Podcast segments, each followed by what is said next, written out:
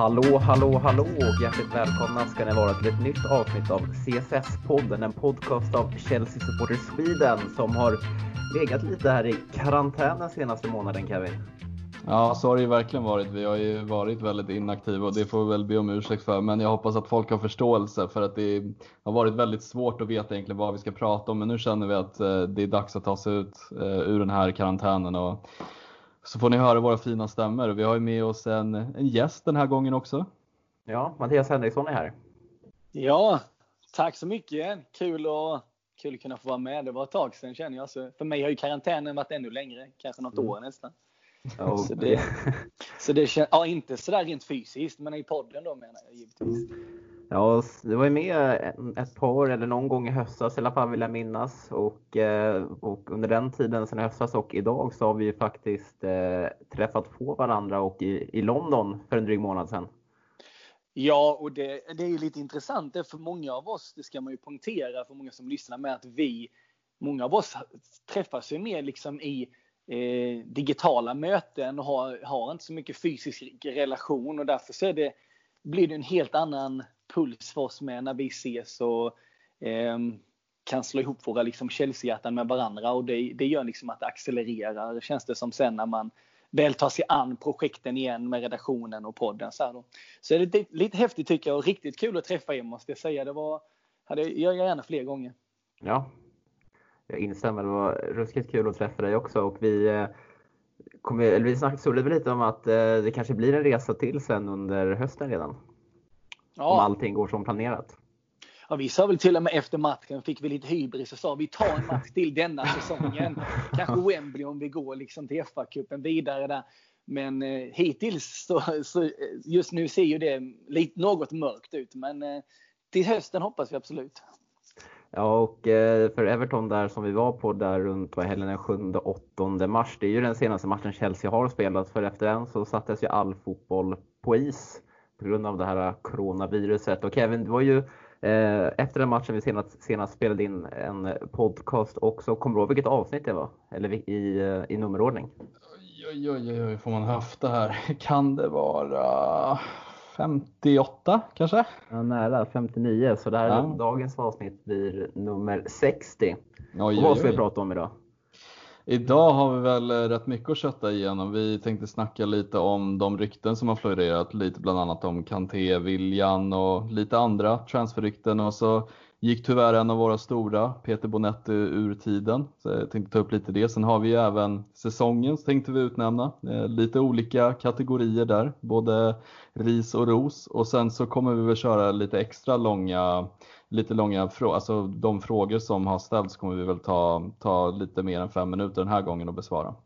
Ja, vi eh, planerade att vi skulle göra säsongens, eller fast årets då när vi spelade, när vi spelade in våran nyårsspecial tillsammans med Buman hemma hos honom. Men som de flesta nog känner till så försvann ju allt material från eh, den inspelningen. Så att vi tänker att vi gör om det lite nu och kör en säsongens för att eh, vi båda är väl inte så, tror väl inte särskilt mycket på att säsongen kommer återupptas. Eh, så det känns ändå läge att göra det nu.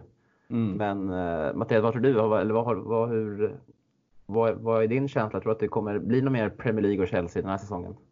Nej, alltså de, det, med tanke på hur jag tänker ännu mer långsiktigt än vad andra gör känner jag detta för att nu när jag pratade om, några, om det tidigare, så om vi tänker rent internationellt liksom i landslagsspel så ska det vara EM nästa sommar och sen så ska det slås ihop med Qatar-VM som i sin tur då ska spelas på vintern. Och jag tänker att om det redan nu slås fel, eh, att det liksom skulle vara, det skulle komma igång och vi ska spela tätt på något vis.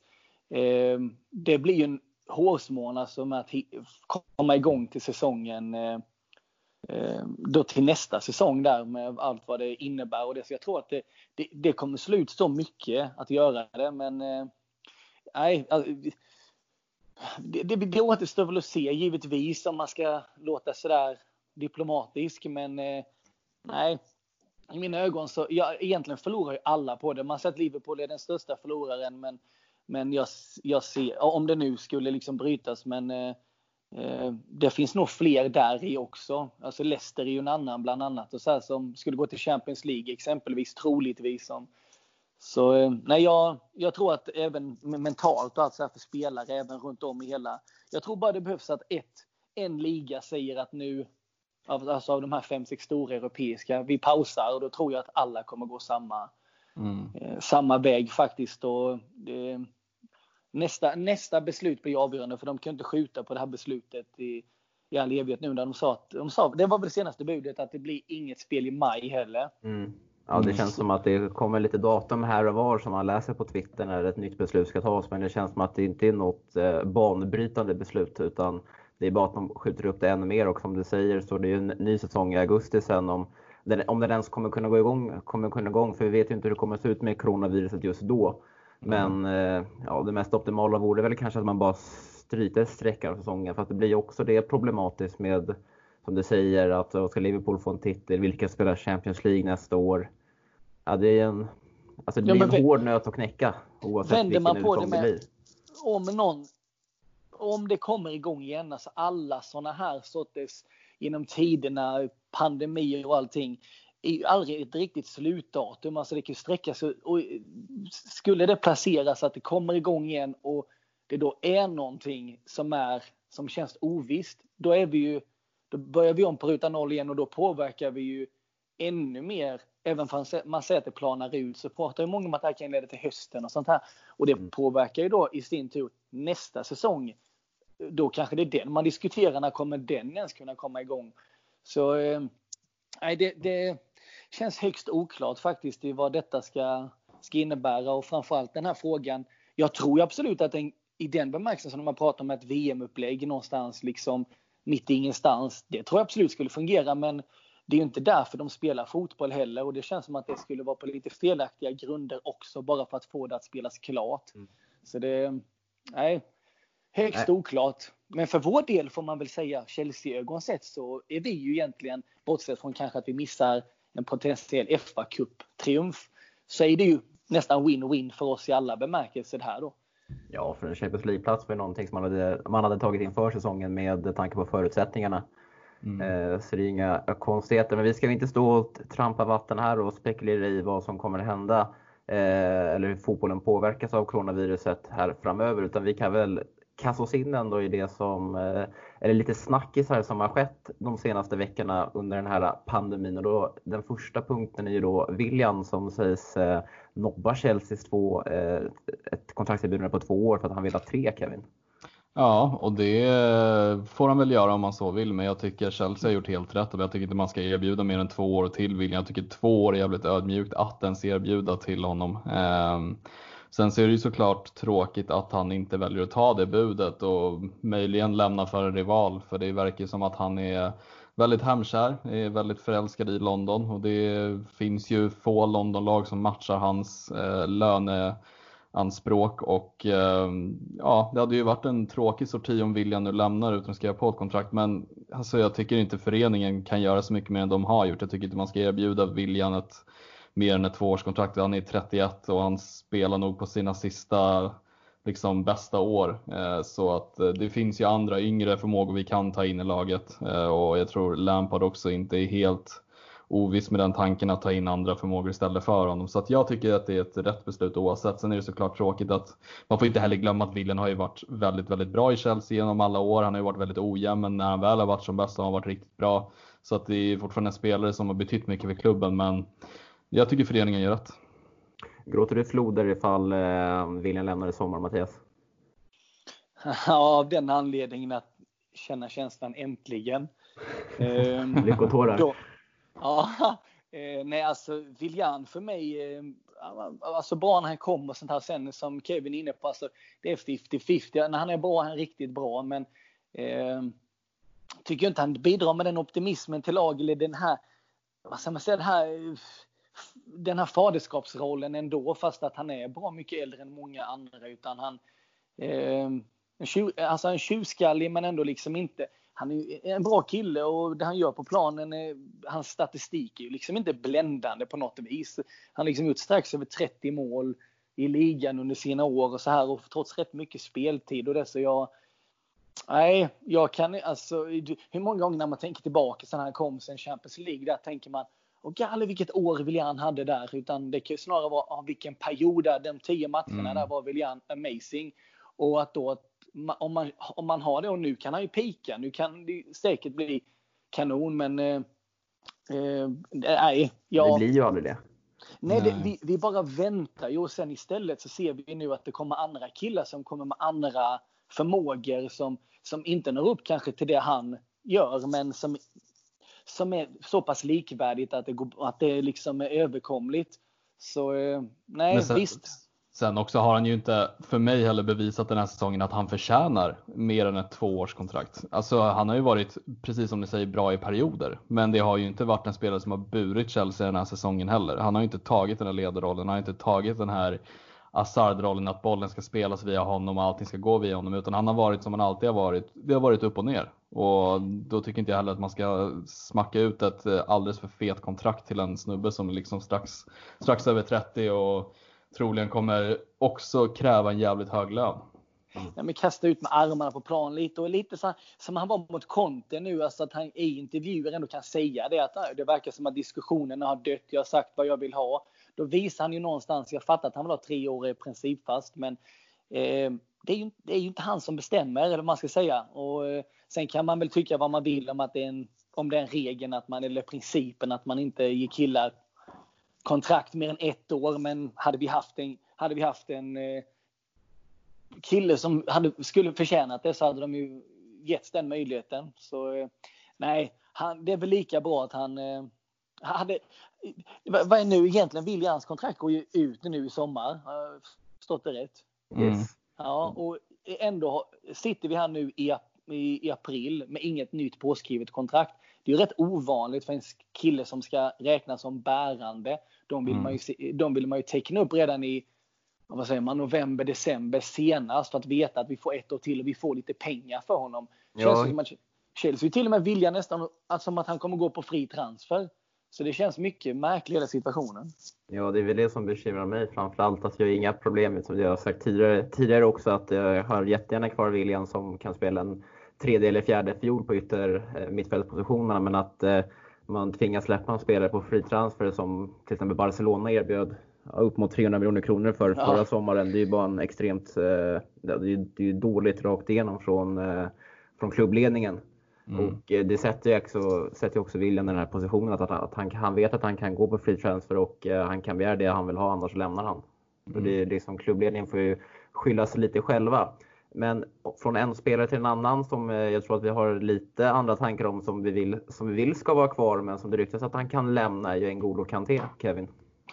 Ja, så är det ju. Det har ju varit en del rykten om honom nu eh, och det floreras rätt mycket i olika medier om att han, eh, han är jagad av Real Madrid eh, och man har tagit upp statistiken. Han har ju bara spelat hälften av matcherna den här säsongen, varit väldigt skadebenägen.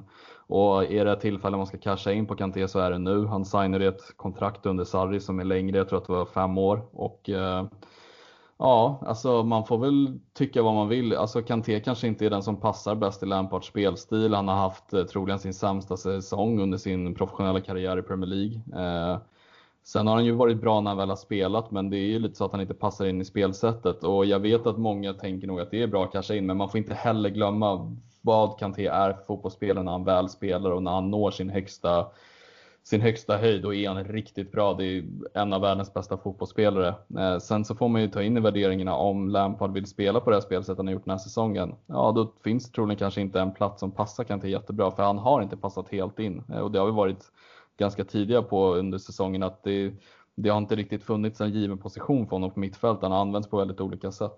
Eh, men jag, jag å andra sidan, jag är totalt förälskad i Kanté. Jag ser gärna honom stanna kvar i klubben, men det är ett bra tillfälle att casha in på honom. Ett litet sidospår är ju också hur eh, ekonomin kommer att se ut eh, för alla europeiska klubbar i sommar. Till exempel en vanlig sommar, om vi skulle säga att vi skulle sälja Kanté så skulle vi lätt kunna casha in en 150 200 miljoner kronor eller miljoner euro tror jag. Ehm, men man vet ju inte riktigt hur det här, det här viruset påverkar klubbarnas ekonomi och eh, kanske vi går tillbaks 5, 6, 7, 8 år i tiden då en toppspelare gick för 500 miljoner kronor. Mm. Det fick mig lite fundera när man, för vi har ju en fråga om det här om vi tar ett bud på, eh, på 100 miljoner kronor, 100 miljoner kronor, 100 miljoner euro på Kanté, eh, give or take. Och man vet inte om det kommer vara mycket eller om det kommer vara lite i sommar. Mm. Matte, vad, vad, vad är din take? Alltså alla vill väl vara polare och ha en Kanté i sitt lag. Alltså tänk att ringa honom när man ska fifa kväll eller någonting och han kommer med sin kickbank. Det hade ju varit fantastiskt. Men alltså Kanté. Eh, alltså jag tänker så här med att han har varit mycket skadad och han åker på snarare de här förslitningsskadorna. Det, det är lite varierande hur han åker på. Lite knä och lite baksida och lite varierande. Och hela hans eh, liksom auran runt hela Ngolo är ju att löpa och bryta ner andra. Och om han, eh, om han åker på de här återkommande, fast de säger nu är han fit, han är redo. Eh, sen spelar han 20 minuter och så byts han ut för att han är inte redo, förslitningen är inte klar. Och en sån, en sån, såna skador som han åker på, det känns som att det kan man hantera om man hade varit i princip Tammy Abraham. Men jag menar, nästan som målvakt kan du ha de skadorna, men Kanté kan inte ha de skadorna. Ehm, och, den, eh, och det med den osäkerheten också som jag är jättetveksam till. Ehm, men alltså sen är ju Kanté, han är ju sin, alltså i den här åldern, han är ju sin peak någonstans. Han, han har alltid varit i sin peak, han har ju alltid varit bra. Ehm, men jag är, jag är orolig för att de skadorna han åker på är sådana här som Ramirez när han började bli skadad också i Chelsea i lite omgångar.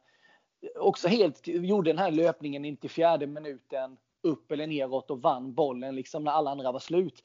De, han, vi är beroende av att Kanté kan göra det. Så jag hoppas att om jag säger att jag vill att han ska stanna, att han blir av med den, liksom, den sortens skador. Annars mm. så, eh, eh, så tror jag att Kanté personligen, han skulle inte ha några problem att spela i och med det kontraktet som du nämnde där Kevin, så han skulle ju definitivt utan tvekan kunna stanna. Han har inga större löneanspråk heller. Han är liksom nöjd med det han får.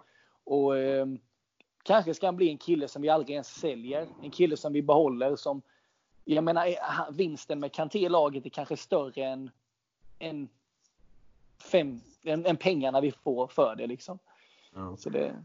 Ja, det är väl lite perfekt ändå för honom nu med, med eh, eller perfekt timing med viruset för honom att, uh, att han får ju vila ordentligt nu och ja. försöka hitta tillbaka till sin uh, fysiska form och bli kvitt alla sina slitageskador som du, som du nämner. Men... Jag, kan ja, mm. jag kan tycka så här dock. Kanté kan stanna, men då ska Jorginho gå. För att, ja, alltså, det, det, blir för mycket överflöd där på, på mitten. Men det är ju en annan fråga det där. Men i, de, både Kovacic och de som tre som höll upp mittfältet när Sarri var. Det, det känns som att det är passé under Lampard. Något, någon där måste bort och det är ju inte Kovacic. Nej, jag, där håller jag med dig. Alltså, jag, jag säljer ju hellre Jorginho och Kanté om jag har eh, pistolen mot mitt huvud och någon måste bort. Då svarar ju Jorginho på Jorginho direkt om det andra valet är Kanté. Mm. 100 procent. Eh, nej, men jag, vi är väl ändå rätt eniga. Vi hoppas att han, hoppas väl att han är kvar. Eh, jag har varit lite kluven i den frågan. Jag vet inte varför riktigt, men eh, eh ja, så det är lite, det är som vi säger, det är lite andra förutsättningar nu med, med viruset. Men om man skulle fortsätta vara skadad hela tiden så kan det ändå vara läge att eh, försöka ändå få in lite dollares för honom. Men, Sen får man inte glömma heller också att det är inte första ryktet Real Madrid har om Kanté. Det har ju pågått under många, många år också att de har varit ute efter honom. Så det här kan ju bara vara taget i luften för den delen också som medier har hakat på. Så att det gäller också att hitta trovärdigheten där. Madrid har väldigt bra mittfältare, men de börjar komma till åren absolut. Men jag ser också så här, Kroos är över 30, Modric är över 30. Ska de då värva en Kanté som har varit skadebenägen och närma sig 30-strecket? Jag vet inte, det känns lite märkligt också. Då. Alltså, hade han inte varit skadad som han är nu, då hade jag sagt inte en chans. För jag menar, då hade vi kunnat lika väl sälja Kanté om två, tre år. Och han skulle, han skulle vara, Kanté kommer vara lika bra känns det som tills han är 45. Kommer han kunna göra samma sak som han gör nu, springa och knäcka de andra. Men det känns som att eh, eh, det han nu eh, det, med de här skadorna, jag blir orolig. Alltså utan att vara någon liksom doktor. mm. ja, vi får se helt enkelt. Och snacka lite om trovärdighet där Kevin, men vad som det finns, eh, vad som det är 100% trovärdighet på är att eh, Mason Mount beslöt sig för att eh, hoppa ur sin karantän där eh, och eh, mm. lite fotboll på gården med eh, Declan Rice bland annat. Ja, det ska han fan ha. Nej, men det var, det var väl lite roligt. Han gick ut och körde lite fotboll med sin bästa polare och bröt karantänen och säga vad man vill. Regler är ju till för att följas och han bröt om reglerna och fick sedermera sitt straff. Men eh, det var inte den största incidenten som kunde hända. Sen är det inte jättebra att man, att man gör det i alla fall i dessa tider när det är väldigt allvarliga saker som händer. Men eh, ja, för fan, gå ut och kicka lite med Declan Rice som båda verkar vara friska. Men eh, nej, jag vet inte vad man ska egentligen säga om det. det. det. blev en större sak än vad det egentligen var. Det var ganska dumt, men det är väl lite passé också känner jag. Eller vad känner ni? Ja, det är lite roligt först och främst att, att det här coronaviruset gör ju att eh, ändå spelarna på något sätt ändå blir lite mer tillgänglig för allmänheten. För att Mount hade ju inte gått ut på skolgården, eller på skolgården, på gården annars utanför sitt hus och eh, lira lite boll om det inte vore för, för den rådande situationen. Jag såg mm. även på Twitter att eh, den här svenska som är 08 fotboll, Gustav Granqvist, som bor i London som tydligen hade sett eh, Oliver Giroud gå ut och jogga på gatorna. Liksom. Mm, det, det, ju, det, ser man ju inte vanligtvis. Liksom. Sen hade väl Mourinho också någon intensiv träning med vissa Tottenham-spelare vid någon skog eller någonting. Det var någon löp, löpträning med Ndombele och några andra. Och, ja, nej men vad, jag fattar ju att man blir lite rastlös. Man spelar ju liksom så många matcher per år och sen helt plötsligt ska man sitta inomhus och inte få gå ut. Det kan jag tänka mig att de andra spelarna som spelar professionellt varje dag blir lite ADHD av att bara sitta inne. Mm. Må så vara. Ja, det, det, är lite skillnad när Tottenham tycker. De har ju fått kritik för det med permitteringen av personal och sen att Mourinho ändå tog ut spelare till att träna. Det blev ju en liten snackis men jag tycker att det är ändå samtidigt bra. Mount kanske kan lösa så att eh, Declan Rice skriver Exakt. på Chelsea till slut. Det, jag kan nästan se det som en slags agentutbyte kanske det här, den här träffen. Men eh, som du säger Kevin, givetvis ska man följa reglerna om de får dem på sig. Men eh, de vet ju vad de gör. Killarna de vet ju om att de kan åka dit. Mm. på detta. Så de tar ju medvetna beslut som de bryr sig inte så mycket om de får böter i det. Men, Nej, en böter på 10 000 pund för en spelare i Chelsea, det tar nog inte så hårt alltså. Nej, jag tror att de har en del deg över. Men eh, det är lite kul det du säger med Declan Rice och Mount. Som, som alla känner till är de ju väldigt bra kompisar. Det har ju inte varit lite rykten om Declan Rice till Chelsea heller. Mm. Speciellt nu de senaste dagarna om att han har flörtat lite öppet med att han vill spela med Mount någon gång igen. Och tror att han hade passat rätt bra i Chelsea. Ja, han har ju ja. varit där innan så han kan. Ja, ja, absolut. Och vi behöver ju på den positionen i alla fall långsiktigt. Ehm, så, ehm, och ja. vi spelar mittback också. Det är mittback från grunden som har blivit en defensiv mittfältare så att det är en eh, mångsidig spelare och jag har verkligen ett eh, bra, gott öga för Rice. Jag tycker han har varit väldigt, väldigt bra i sina år i West Ham när han har fått utvecklats. Lite svag den här säsongen dock. Vad sa ja, du? Lite svagare den här säsongen tycker jag. Ja men det har väl fan hela West Ham varit. Det ska ja. väl sägas det att han ändå blev eh, av Sky Sports där, de man kunde rösta av alla de tusentals som har röstat, så kom ju Rice ändå, blev han ändå West Hams bästa spelare den här säsongen, framröstad då. Mm. Troligtvis av de egna fansen och så då. Så att eh, fast att de andra var dåliga, då har han ju uppenbarligen varit lite sämre än de dåliga. Eller lite bättre än de dåliga. lite bättre än de dåliga. ja. Han har varit sämre men inte sämst. Nej, så kan man sammanfatta det. Kan byta Willian och Rice där kanske. Kanske får, kan bli vara kvar i London sa du Willian. Ja, Kevin. tycker jag fan synd om West Ham-fansen alltså. De ska få behöva lida ännu mer. Då skulle man ju valt eh, Andy Carroll eller Antonio framför William kanske. Ja, ja i Kanske, kanske det. Men en spelare som annars ryktas om är ju Coutinho Kevin.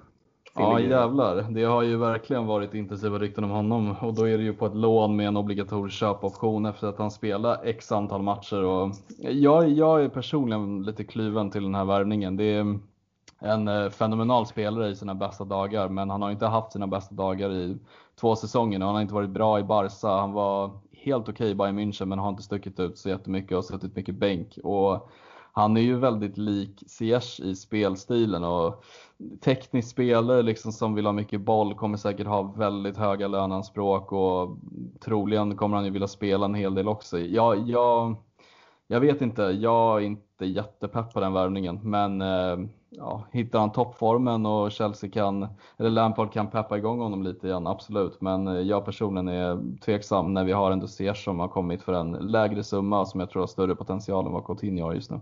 Behöver Chelsea Coutinho, Mattias? Nej du. Alltså Coutinho är ju, han, vad blir han nu? 27, 27 eller 28 ja. tror jag. 27, 28 och ska komma då så han är ändå, och då ska, tycker jag ändå att både spanska ligan och tyska ligan, no offense, liksom ändå ska vara lättare för honom att briljera i än vad det är i Premier League med den fysiska anspänningen som det mer kräver. Men kanske sagt ja mer om vi inte hade värvat Ziyech då. Att han mm. inte skulle komma, att man då hade känt, men ska då både, som LeBeuf var inne på för ett tag sedan, ska både Ziyech in och Coutinho, för det blir inga bänkspelare någon av dem. Vilka ryker då? Nu har vi suttit och pratat om Kanté och Kovacic och så Mount. Alltså, det blir, det blir på tok för överflödigt annars i, i sak. Alltså med en Coutinho som kan komma billigare och, och ja, med allt vad det innebär. En kille som vill du vet, komma igång, han vill få lite revansch och sånt här. Visst, det, det, det känns lite Chelsea att få in en sån kille samtidigt. En sån som liksom ger tillbaka en, en smäll. Men eh, ja. Känns ändå som den, ja.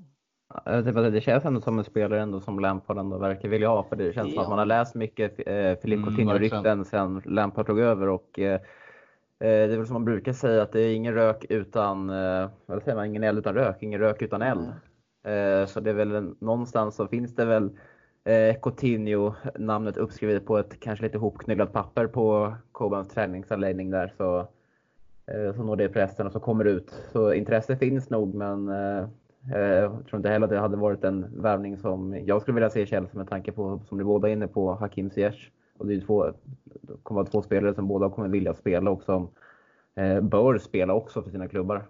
Man hör inte mycket att andra gör jätteanspråk på Coutinho och det, det, betyder ju också någonting känner jag. Men eh, visst, alltså samtidigt skulle Sejo, så här, men får vi ju både Viljan och Pedro och sånt här kommer han så tror jag ju definitivt att han ska, jag tror inte han blir en flopp i den bemärkelsen. Frågan är bara, blir det överflöd? Det är nästan mer den frågan, för vi vet ju egentligen vad han kan, Coutinho, men han är ju i negativ spiral nu som man måste få en liten vändning på.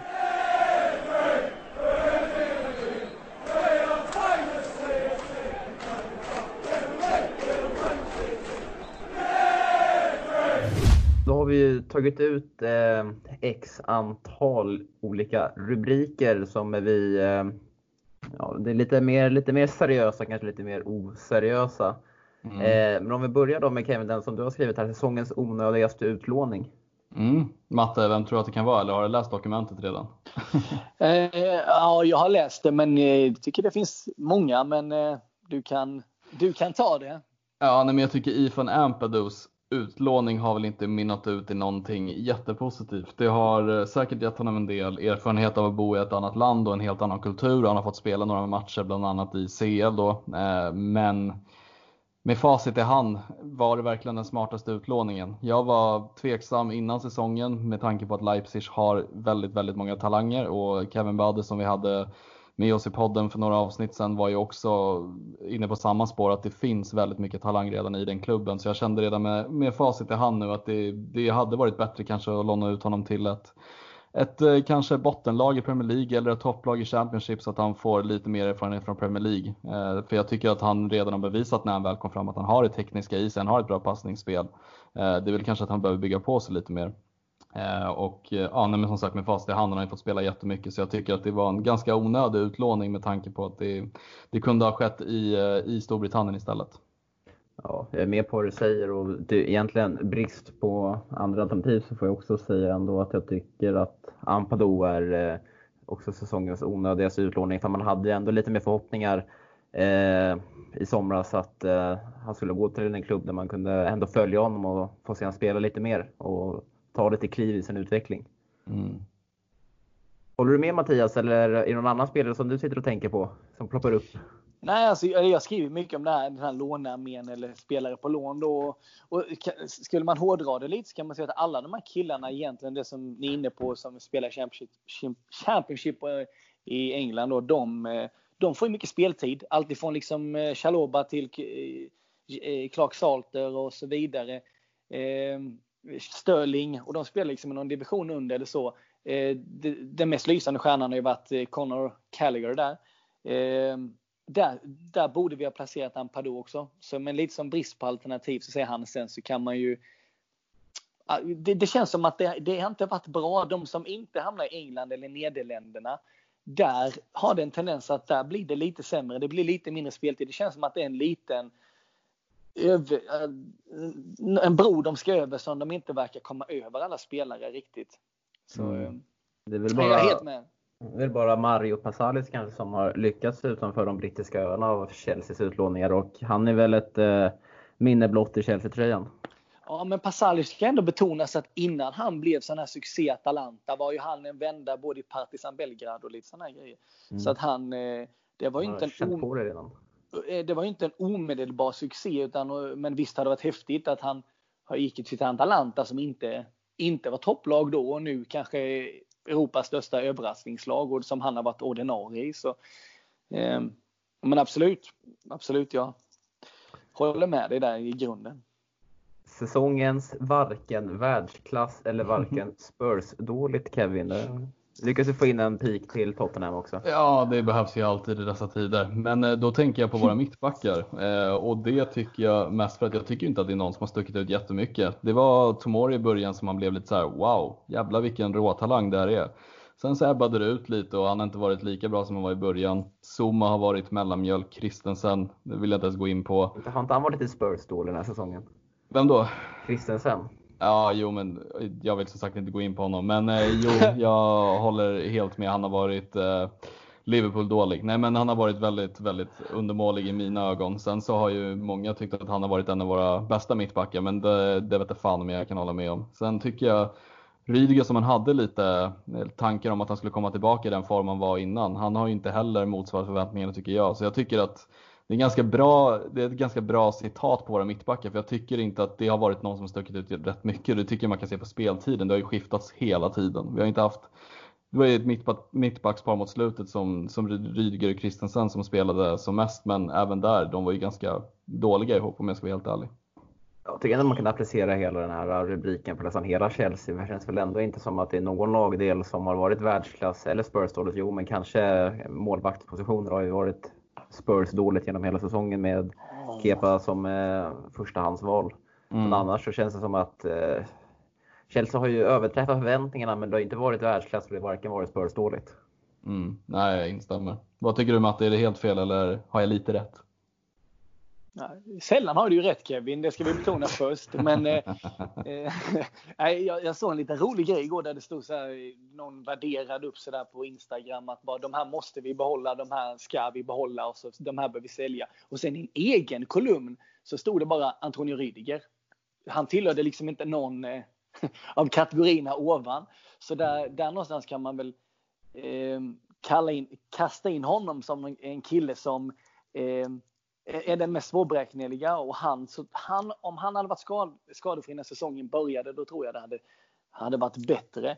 Men vi, vi får väl poängtera det med att hela vår mittbacksituation började ju väldigt eldigt med att David Lewis lämnade samma vecka som det kom igång. Ehm, och sen Rydiger som var skadad och då fick vi ju kasta om det så gott det kunde och sen har det varit i omgångar där men eh, Nej, alltså vi ser ju bara hur mycket mål vi har släppt in. Herregud. Och hur de går från en match till en annan och inte alls fungerar. Och Lampards verkar inte se samma sak som vi. För vi, vi verkar vara eniga om att Kristensen kan man ju sälja till Brönnby. Men eh, det är ju hans, eh, det är ju hans eh, primära spelare. Så jag ser fram emot nästa säsong och ser vad, vad kanske vi kan göra under en försäsong med med, eh, med killar som kan komma tillbaka. Säg Ampadu exempelvis. Kanske kan han rent av ställa till med mycket i mitten redan nästa år eller som ett alternativ snarare då. Ehm, så eh, nej, jag, det var, jag tycker bra sammanfattning på hela laget faktiskt. Ja, Andreas Christensen och Simon Tibbling i Brönnby alltså tillsammans. Det. Ja, det hade varit fina grejer. eh, säsongens gåshud Kevin? Ja, nej, men det får väl bli för mig i alla fall medlemsresan och specifikt då matchen Chelsea-Everton. Eh, först och främst hela upplägget var ju fantastiskt, men också matchen i sig, någonting jag vill verkligen betona var någonting utöver det vanliga för min del. Jag har ju varit på en del fotbollsmatcher, men aldrig på Chelsea tidigare och eh, för mig var det också så kul att få se Gilmores liksom genombrott. Han hade väl fått det mot Liverpool i kuppen men just mot Everton fick man ju se honom live och nej, det, var, det var fantastiskt att se. Jag tror jag aldrig har sett en spelare live som var så bra i den åldern. Och um, hela grejen att få se fyra mål, fick se mål redan efter tio minuter och Chelsea totalt dominerade och man fick se allting på plats. Det var, det var, det var, liksom, det var jävligt genomgående bra, så var det lite hets mot Everton-fansen och Matte och jag satt och klappade om varandra när vi gjorde mål. Och, Sen flög ju handspriten åt helvete när vi gjorde 3-0. Alltså det var bra minnen från den matchen faktiskt. Just det där regeln bort. Det var fan ändå lite kul att man missade hela, eller att jag missade 3-0 målet. För att jag stod och hällde upp handsprit i din jävla hand. Alltså det... ja. Nej, de mådde man. Det var fan piken innan coronaviruset kom och drog ner den på jorden igen. Ja, men det är väl bara instämma också samt. Ja, det känns som man är fortfarande ändå lite så här äh, glad över att Medelfresan ändå blev att vi prickade in ändå Chelseas bästa match för säsongen. Och sista troligen. Och sista. Så att eh, tänk, ja, fan vad, hur, hur hade man mått egentligen om Medelfresan var kanske en match senare och den aldrig, och den aldrig hade blivit av? Ja, det är sjukt. Ja, hur kände du Matte? Hur, hur bra mådde vi egentligen eh, direkt efter matchen när vi stod och tog vinstölen? Ja, är lite signifikativt för det du sa där var att vid 3-0 så flyger handspriten där då istället för att spriten flyger. så det, det eh, men eh, och med det vill jag betona att vi inte uppmuntrar till någon alkoholdrickande här. Eh, men eh, jag har lite tips där. Eh, nej, jag, jag vill minnas i halvtid där, eh, Chelsea-Everton, det var nästan momentet för säsongen utöver att det är så många killar som man innan säsongen snackade om. Nej, de kommer aldrig funka. Lampard kommer aldrig funka. Han har kommit för tätt. Han borde inte komma nu. Han borde vänta 10 15 år innan han kommer. Och killar som aldrig hade gjort bra ifrån sig, eller bra ifrån sig, men inte på den stora scenen. Och alla de har ju ändå, eller många av dem har ju motbevisat så att det, det var kanske rätt. Det var en bra lösning. Det är ju egentligen för mig årets gåshud. Men där i halvtid när jag så stack ju Ville iväg tillsammans med Erik Åbjörk där och skulle ta en sån här, som kallas för snabbbira. Liksom under, fem, under fem minuter ska det ner då. Och då blev jag och Kevin kvar där och alla runt oss egentligen drog på WC eller, och drack då. Och då slängde jag och Kevin ut benen där när vi satt och, och eh, lutade oss tillbaka, drack en Cola Zero och eh, Glasögonen sol, solen sken, glasögonen på. Chelsea hade två, det hade regnat men solen kom då. Och då så sa till Kevin att ja, jag har ju mått sämre i livet alltså. Och det var, den, den, den känslan känns som att den kommer jag ta med mig länge. Och det, det är det som är det fina med också att vara på plats på Stanford. Liksom få den känslan att vara runt blå vänner på det viset och att det liksom eh, ännu, ännu mycket härligare det blir när det är framgång. Det var, det var ett wow-moment. Ja, det var fint.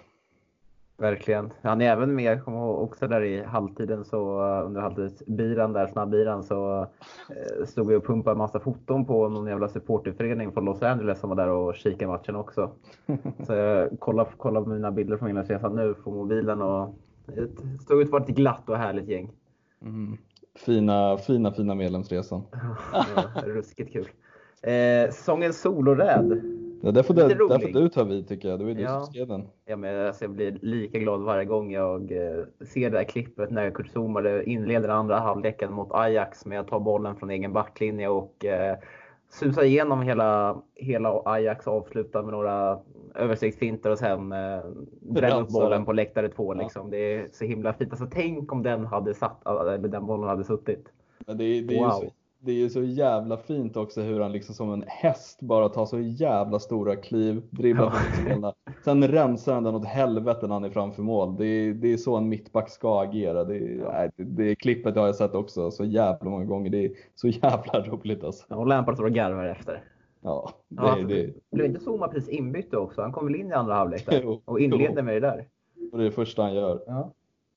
Fan vad fint. Vi har ju inte så mycket annat att gå på heller när vi kommer till säsongens solräd och den här punkten kommer framförallt med bara för att nämna den här Kurzuma eh, prestationen. Mm. Så jag, jag, tror fan inte du har så mycket att kontra med här Mattias. Nej, när Hazard gick så, så försvann ju många solraider på köpet. Men det roliga tycker jag ändå med Kurtzomas solraider hade det troligen varit en annan som take your pick, gjorde den raiden hade ju kanske Lampard ställt sig upp. Du vet, de på bänken hade rest sig upp och This is it, it's coming, it's coming. Alla satt kvar. Han missar, skjuter liksom utanför Stamford Bridge och Lampard sitter liksom framåt eh, med händerna i, liksom, i någon form av sådär, satt ihop händerna och bara ler. Alltså jag kände, hade det tänk som en Hazard förra året eller någon annan som hade forcerat fram där på Mount eller liknande. Då hade alla stått upp och du vet så kastat sig lite i road-style med huvudet bakåt. Bara. Men det, nu var det bara, det blir ingenting med det. Det som är så ja. fint också. Vi skulle ju kunna döpa om den till säsongens rensning. Ja, säsongens rensning också. ja. det är så här, som du säger, alltså Kurtzuma satte väl inte en eh, passning rätt på över 20 meter så att han skulle sätta den utanför straffområdet. Det fanns inte på världskartan så man fattade ju att alla bara satt kvar och bara väntade på att den här bollen skulle gå 10 meter över. Ja. ja men det var en jävla match annars, eh, Chelsea-Ajax Chelsea där. Ja, det, vi kan ju dra den punkten redan nu. Säsongens berg dalbana, det är ju Chelsea-Ajax. Eh, ja, i alla fall, det har varit mycket matcher den här säsongen som har varit väldigt upp och ner och det har varit liksom bottennapp en match när det varit eufori nästa match. Men just den här matchen tycker jag symboliserar mycket vår säsong också. Vi ligger under stort, så får vi två röda kort med oss och drämmer dit avgörandet med James att vi får 4-4. Jag spelar in en jävla video när jag tror att vi gjort 5-4 så blir det 4-4 till sist efter VAR. Det var eufori den matchen verkligen. Uh, jag, jag vet inte, den matchen var verkligen den var helt brutal. Ja, det var ju verkligen en eh, match som innehöll allt förutom en Chelsea-vinst Mattias. Ja, ja, ja, ja. Alltså det, den här känslan att man, man går ifrån att skit också. Jag, jag tittar lite till ändå, mer eller mindre. Och sen, eh, eh så blir det, och sen så slutar det med att man lämnar matchen besviken. Det är lite mm. roligt att det blir en sån turn, turns of event. Och det komiska är min far som är Liverpool-supporter hade ju sett den här matchen och sagt det. Åh jäkla match. Men Ajax skulle ju haft det. Det var inga röda kort där. Det är tugget ni vet som går då. Ja. Men eh, wow alltså. röda kort. Ja, eh, jag menar vi har inte VAR på vår sida alltid. Men eh, nej, wow. Det, det, det, den går ju till historien. Så riktigt, eh, ibland känns det som att sådana matcher blir sådana som man ändå förlorade med 4-3 eller någonting. Men mm. nu fick vi liksom poängen och då blir den ju odödlig så det känns skitkul. Ja, det känns som en eh, match vänta, äh, som Uefa kommer ändå typ så här, när de kommer ut kanske lite eller lite historiska matcher år 2030 så lär ju den här vara med. Ja, garanterat. Vi får inte glömma att det här var ju säkert den matchen Ziyech bestämde sig för att komma till Stamford Bridge för evigt. Tror, tror du det? Ja, han bara, vad är det här för jävla High Chaparral? Jag, jag vill vara en del av det. Ja. Då kan ja, han komma också. Så kan det väl vara. Vad heter han? Donny? Han... De Beck?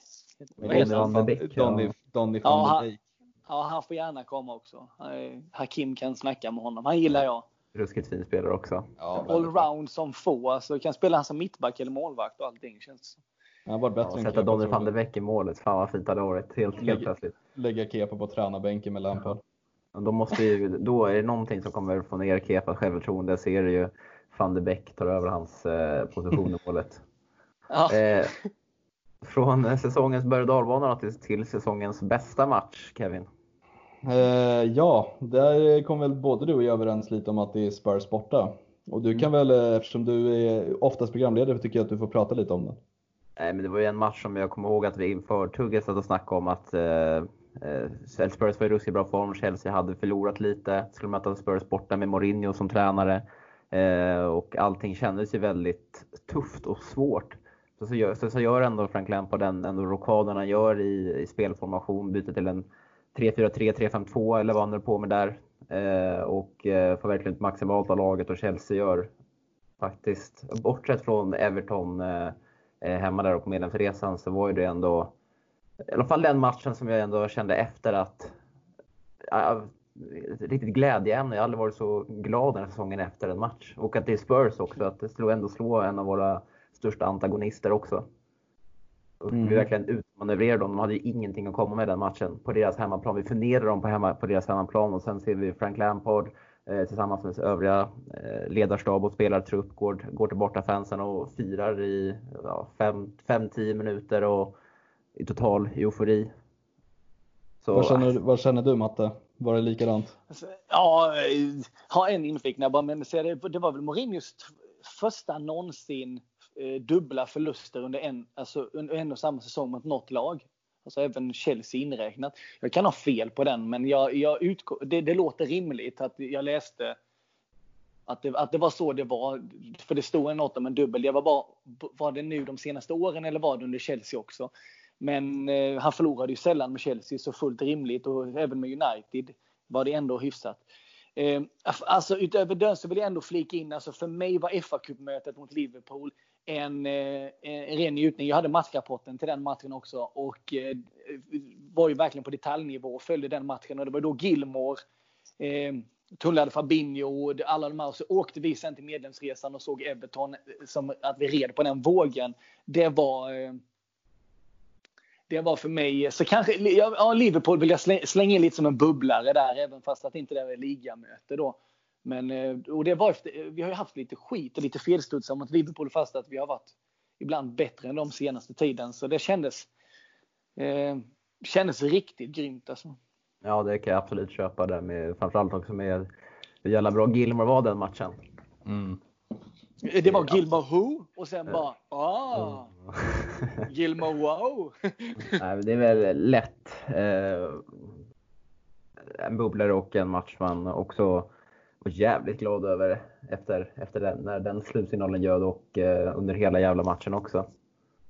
Garanterat. Eh, säsongens spelare, kanske vi har lite, eh, kanske vi är lite oeniga Kevin. Ja, nej, men jag tycker genomgående över säsongen tycker jag Kovacic är den som har varit den som har stuckit ut lite extra för mig och då tänker jag också med tanke på hur, eh, hur mellanmjölk kan vara förra säsongen. Eh, man såg lite glimtar ibland då och då att han var en bra fotbollsspelare. Man har hört att han har varit en väldigt, väldigt bra tekniskt begåvad talang, men fick aldrig riktigt sitt genombrott under Sarri. Men jag tycker den här säsongen så har han varit en bärande spelare och extremt bra på det centrala mittfältet och bland de första namnen som Lampard skriver upp i startelvan. Så att eh, för mig i alla fall är han given som säsongens bästa spelare. Så kan man bubbla lite om Abraham och hans eh, hans mål han har bidragit med och Pulisic har också varit en frisk fläkt och James har tagit en ordinarie plats. Men Kovacic för mig genomgående under säsongen tycker jag har varit den bästa spelaren. Vad säger du Mattias? Ja, alltså ja.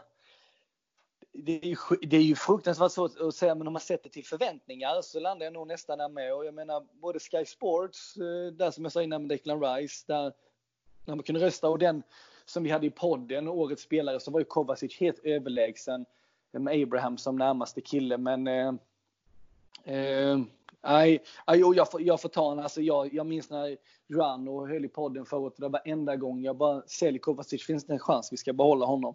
Och så nu har han eh, kommit till dit han är då med mm, mm till att vara liksom så dominant som han kan vara emellanåt. Så eh, nej, för mig så Ja, det är inga tvivel. Nej, jag, jag tycker också att det är Kovacic för att eh, med tanke på att han ändå har hållit en hög och jämn nivå genom hela säsongen. Det finns vissa som har haft eh, eh, höga toppar men även djupa dalar. Eh, det finns säkert spelare som har haft en lite högre högsta nivå eh, vissa matcher och det finns till exempel på Abraham, hans hattrick, eh, Pulisic hattrick. Men det är, det är liksom ändå ingen form som de har bibehållit genom hela säsongen medan Kovacic ändå har hållit sig på en väldigt jämn och hög nivå. Så det får ju absolut även vara säsongens spelare för mig också. Och det var ingenting man trodde på förhand heller. Nej. Inte för fem öre med tanke på, som ni båda säger, hans eh, säsong under Sarri där förra året. Mm. Absolutely. Ja, det roligaste momentet tycker jag nästan är fortfarande Matteo detta året. Det är ju när vi slog Wolves med 5-2 där och och Abraham satte hattrick. Men Tomoris 1-0 om ni minns det, ni vet den här Ja, ja. Inåt, Kanonen ja. Ja, inåtskruven liksom bredsida. Då lägger, kommer bollen in snett nerifrån då och så Kovacic hinner inte fram och ta den bollen. Så den når ju Tomori. Eh, och eh, Tomori springer mot bollen rusandes. Och man ser Kovacic ta, ni vet, ta ut armarna som han, nej vad håller du på att göra? Skjut, slarva inte bort mm. läget. Och så, och så ser man hur han sakta flyttar blicken och den går in och han bara tittar på Tomori som att vad i... Och det, det, är nästan hela, hela min favoritsekvens med, med Kovacic någonstans, fast att det inte hade någonting med honom att göra. Men eh, det, det, var, det, det, var nästan det sista momentet jag kände bara, jag gillar den killen. Sen började jag mer och mer bevaka honom, för det här var ju tidigt. Vi hade ju Ols redan. Det var ju match fem typ i ligan. Ja, och då, där, då började jag mer och mer bara, ja, Kovacic är cool. Så eh, ja. Ja, till sak. Från säsongens bästa till säsongens sämsta. Kepa, eller? Ja, vem, har vi någon, något annat namn att bolla upp egentligen? Det är väl...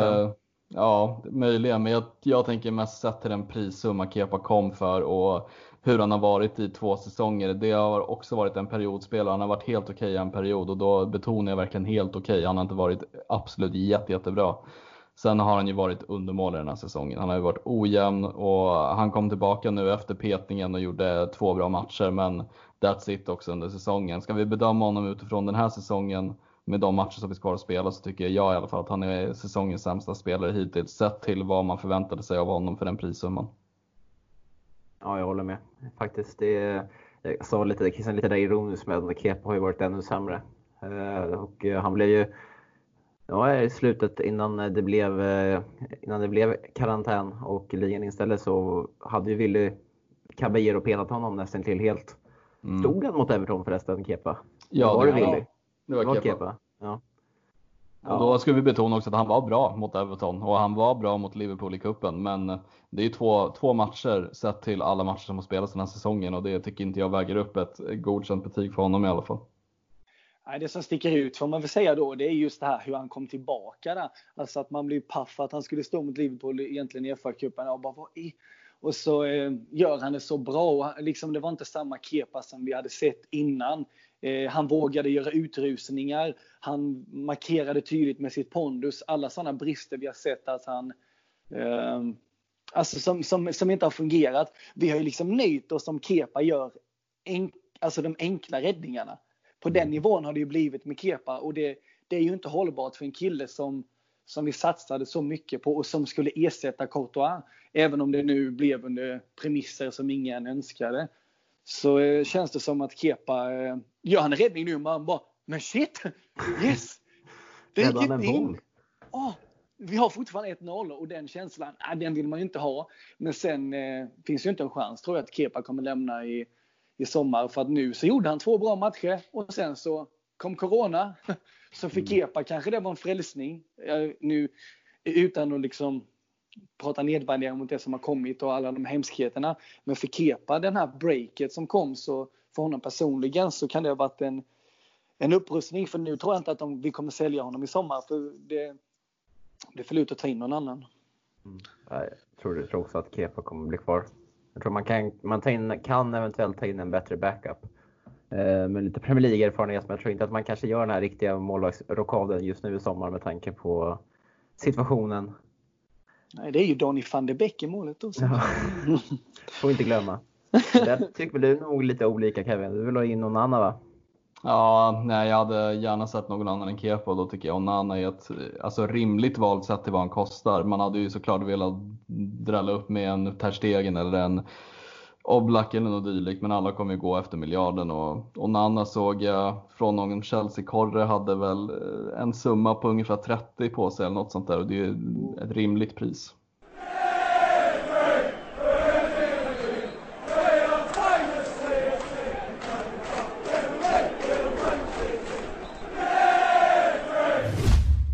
Vanligt så har det rasslat in frågor på vår Facebookgrupp som heter CSS-podden och eh, det, rek det rekommenderar en grupp som alla borde vara med i som lyssnar på den här podden för där förs det intressanta diskussioner dagligen om vad som händer och sker kring Chelsea och det är även där vi lägger ut de här frågetrådarna så man får chansen att eh, eh lyf lyfta ett något ämne som man eh, kanske går och funderar på. Men eh, om vi börjar här då så har vi en fråga från Stefan Haupt som eh, vill att vi ska dis diskutera ett namn, Declan Rice.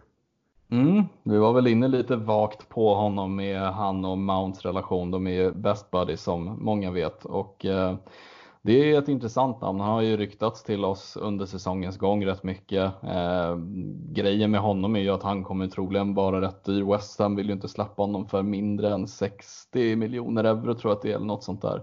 Och eh, på mittfältet så har vi ju väldigt, väldigt många spelare som är väldigt bra. Jag menar, Gilmore fick ju någon typ av genombrott nu på slutet och sen så har vi Jorginho som är underpresterat som finns kvar. Vi har Kovacic, Ruben Loftus-Cheek och så vidare och så vidare. Så att det är ju rätt fullproppat där. Men eh, han är ju en gammal Chelsea-produkt eh, och eh, relationen mellan Mount och Rice är ju väldigt positiv. Kanske hade bidragit med en ännu bättre stämning i laget. Eh, så att jag är positiv till den värvningen om man kan få ner summan lite. Håller du med Mattias? Ja, köp han oavsett. Du skiter i liksom, du vill bara ha honom? Ja, Det är, det, pengarna finns där och vi kommer göra oss av med någon mittfältare, jag är rätt säker på ändå. Så att, eh, och han är, han är sån, han, han är allround i många positioner. Så att, och han tränar ju tydligen när han ska, även när man ska vara ledig. Så att han känns hängiven. Mm. Eh, vi tar Edvin Kollnäs fråga här då. Ta ut er drömelva för nästa säsong. Mm. Och så hade vi lite diskussion in, inför Kevin då du skrev upp din elva där och jag tyckte den var lite alltför optimistisk. Men det är ju en drömelva.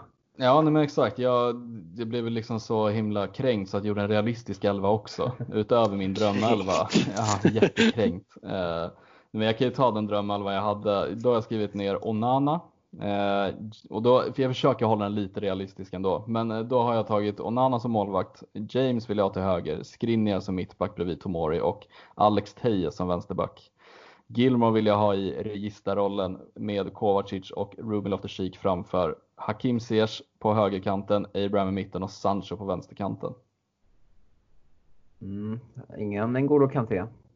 Ingen N'Golo Kanté. Eh, ska vi spela på det spelsättet som Lampard gör och han är tränare, då tycker jag att Kovacic och Ruben är mest fit för den spelstilen faktiskt. Har du några synpunkter på den elvan Mattias? Alltså i grund och botten hade jag inte tagit ut samma. Men eh, jag har ju inte jag hade ju gått med på den. Ja. Så de, eh, det, det, är ju den som fortfarande kan, kan starta. Men det, jag tycker det, den är intressant. Men Eh, som jag sa innan, det är lite utopi eller dröm. Det är ju tyvärr där det landar i, men den här eh, det fina med den här uppställningen tycker jag med, som du gör Kevin, det är ju att eh, många av dem är ju Chelsea-killar i dagsläget. Och mm. många, mm. många kan ju jämföras med de killarna vi har om vi nu inte kan värva. Jag var lite osäker till på vem han var, Skriniar. Oj, oj, oj, oj. Men jag har kanske missat någonting där och då, då får jag Det har du verkligen gjort. Ja, men det, det är... farbror i Milan va? Ja, nej, Inter. Inter. Ja, nej, Ville visste inte heller hör jag. Kortfattat, det är väl eh, en av världens bästa mittbackar, spelar i Inter, hänförare där, 24 år gammal tror jag att han är. Slovak tror jag att han är, eh, eller sloven, något av dem. Ja, slovak, jag googlar lite nu. Som ja. Nej, och jag har i alla fall ett extremt gott öga för honom. Har sett honom spela några Milan-derbyn, inte live men på TV och sett honom några matcher. Jag tycker han skulle passa som handen i handsken i Chelsea. Jag tror att han hade tagit kommandot också där bak. Men eh, det är en extremt dyr värvning. Sen tycker jag Alex Tejes går före Chilwell i mina böcker. Jag tycker att Chilwell är övervärderad sett i pris.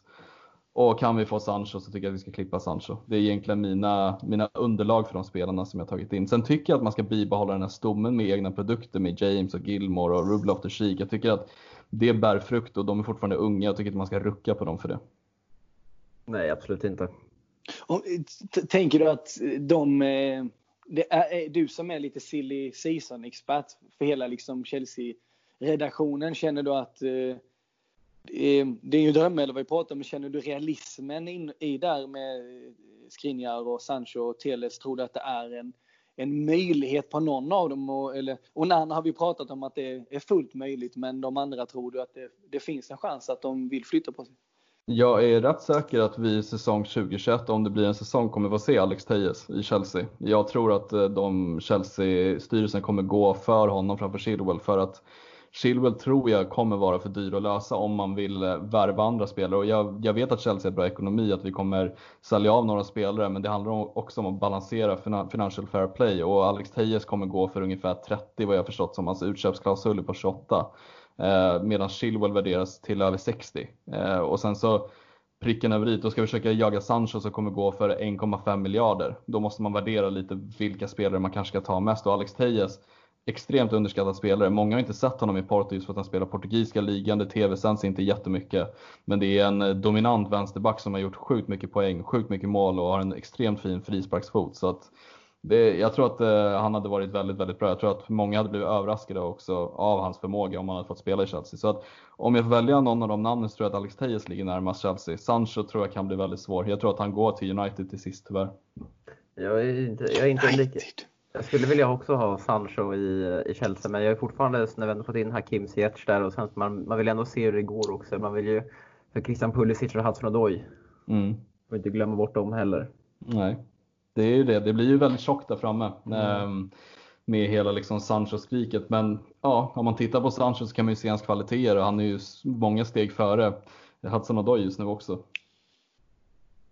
Eh, från Mikael Kullman här då. Är fotboll värd att ens spelas utan publik om så nu skulle bli fallet? Ska man eh, spela vidare om det går att göra, att genomföra ett publik eller eh, ska man bara stryka ett streck över hela? Vad tycker ni? Jag säger kortfattat nej. Jag tycker inte det är värt att spelas då. Sen får Mattias ta över om han förklarar sig lite mer.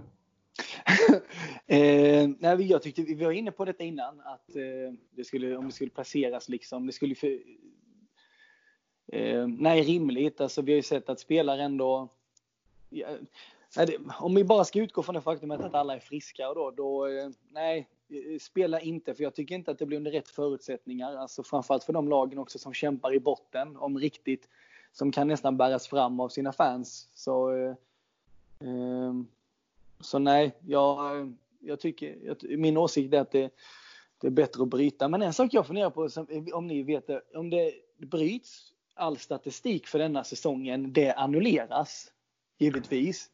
Mm. Borde det väl göra? Ja, för det, det blir ju lite intressant liksom statistiskt för många som har högpresterat den här säsongen ändå med säg Abrahams första säsong och så Mount och sånt här. Det, det blir liksom avskrivet fast man vet ju det är lite inofficiellt ändå någonstans. Det hade varit Men, miserabelt för Abraham att komma iväg och säga att nej, jag har fortfarande inte gjort ett enda mål för Chelsea. ja, just det. Ja, men det, vissa har det värre föreningar med guld och sånt här. Men eh, eh nej, vi vill känns som vi är rätt eniga där någonstans. Men ah, i det, det här gäller väl all idrott, även liksom kulturevent och allting. Utan mm, publiken är det inte värt. Och det genererar ju inga pengar. Och det är det som är också ett problem här nu att nej, spela inte, bryt det, ta nya tag. Nej, jag håller med. Alltså, jag tycker alltså det ska inte få återupptas utan publik. Det ska inte finnas på världskartan. Och sen då, jag tycker ändå publiken är en sån stor del av eh, en så stor del av klubbarna. Det känns mm. inte som att det, det är inte värt att spela vidare utan den. Många spelare har ju gått ut och sagt samma. Det, är inte, det finns inget värde i något sånt. Alltså det är ju trots allt eh, verkar vara en nivå mellan att vinna titlar och spela inför publik. Det hänger ju samman någonstans. Att det, mm. Det, ja, nej, det, det är en spännande men intressant fråga. Men om vi tror att det kommer hända så tror jag att det är rimligt att eh, FA tar ett sådant beslut med, efter påtryckningar som kommer komma då med, med att vi har en sån säker led, serieledare och det här. Men, det tror jag absolut ja, också. Jag tror det är rimligt, men vi vill inte.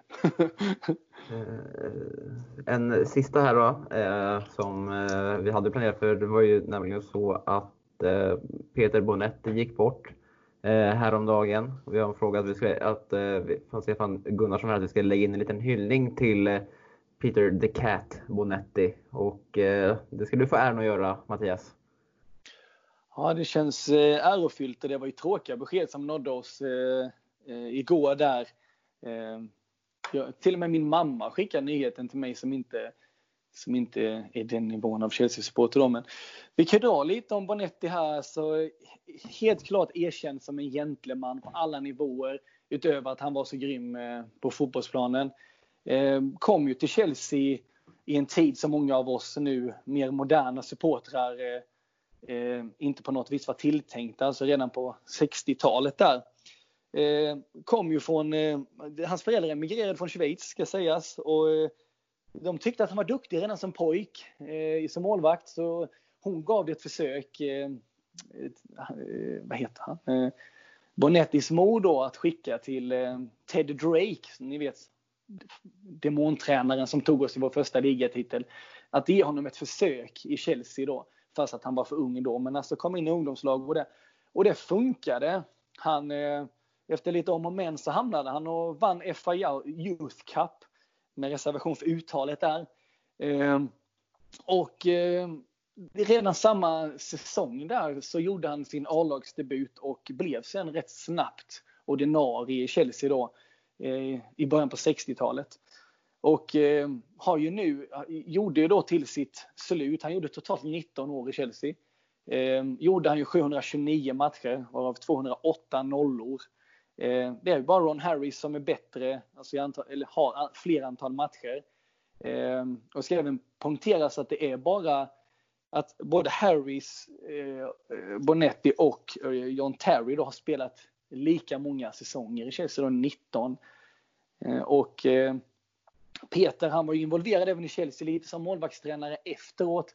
Eh, många känner till honom eh, även som Morris, eh, Jody Morris då skrev eh, på sina sociala medier att han, hans första erfarenhet av Bonetti var när han kom in i, i U21-landslaget och Bonetti då var målvaktstränare där.